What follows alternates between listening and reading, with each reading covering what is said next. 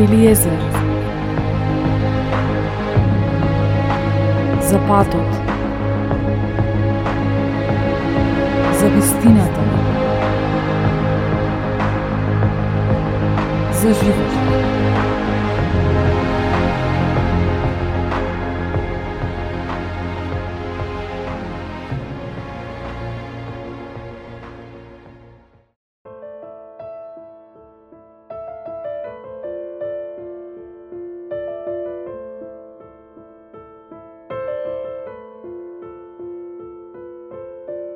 Поминете по улиците, погледајте, испитајте и побарајте по плоштадите.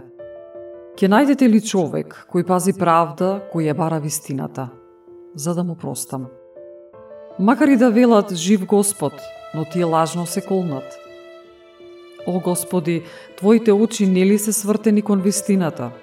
Ти ги удираш, а тие не чувствуваат болка. Ти ги истребуваш, а тие не сакаат да се вразумат ги направиле лицата своји подсврсти од камен, не сакаат да се обратат.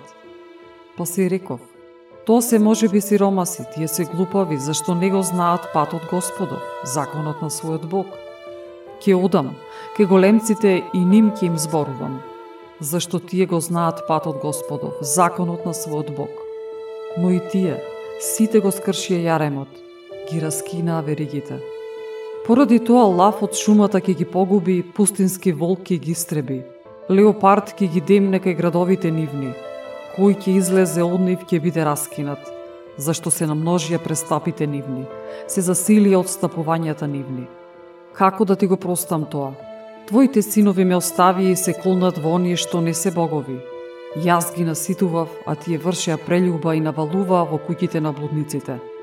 Тие се како гоени коњи, секој од нив ржи по жената на ближниот свој. Зар да не казнам поради тоа, вели Господ, а душата моја нема ли да одмазди на таков народ како овој? Качувајте се над зидиштата, и урнете ги, но не до крај. Уништете ги нивните лозници, зашто тие не се господови. Зашто постапија спрема мене многу вероломно, вели Господ Тие излагаа против Господ и рекоа, не, зло нема да не снајде, и ние нема да видиме ни меч, ни глад. И пророците се ветар, и слово Господово нема во нив, врзнив самите нека се збидне тоа. Поради тоа, вака вели Господ, Бог Саваот, затоа што говорите такви зборови, ете, јас ке ги направам моите зборови во устата твоја оган, а овој народ дрва и овој оган ќе ги проголта. Ете, ќе доведам против вас, доме Израилев и македонски народ одалеку, вели Господ. Народ силен, народ одамнешен, народ чиј јазик не го знаеш и нема да разбира што ќе ти зборува. Торбата за стрели му е како отворен гроб, сите се одбрани јунаци. И ќе изедат жетвата твоја и лебо твој, ќе ги задат синовите твои, керките твои, Ќе ги зедат овците твои, воловите твои, ќе го зедат лозието твои, смоквите твои, ќе ги разрушат со меч утврдените градови твои, на кои ти се надеваш.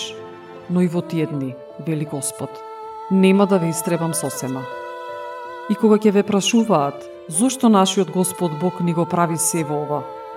Вие ќе им одговорите, бидејќи ме оставивте им служите на туѓи богови во своја земја, затоа ќе служите на туѓинци во туѓа земја. Објавете го тоа велики. Чуј го ова народе безумен и неразумен, кој имаш очи, а не гледаш, кој имаш уши, а не слушаш.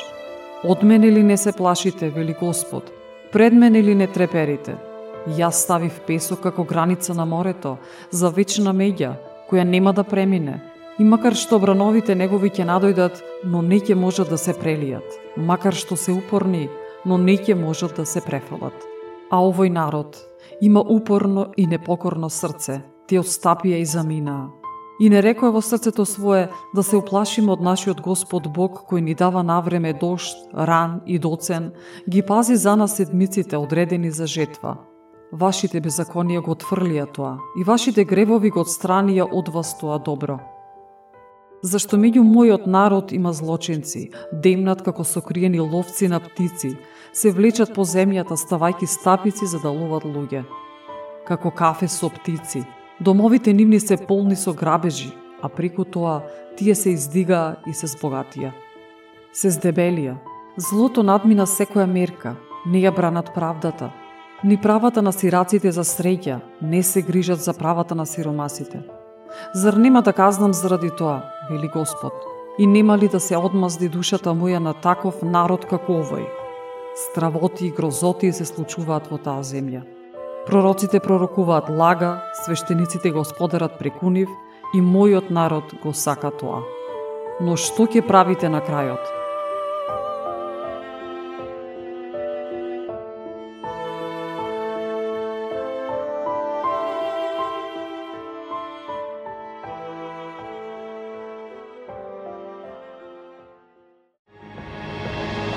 Eliezer.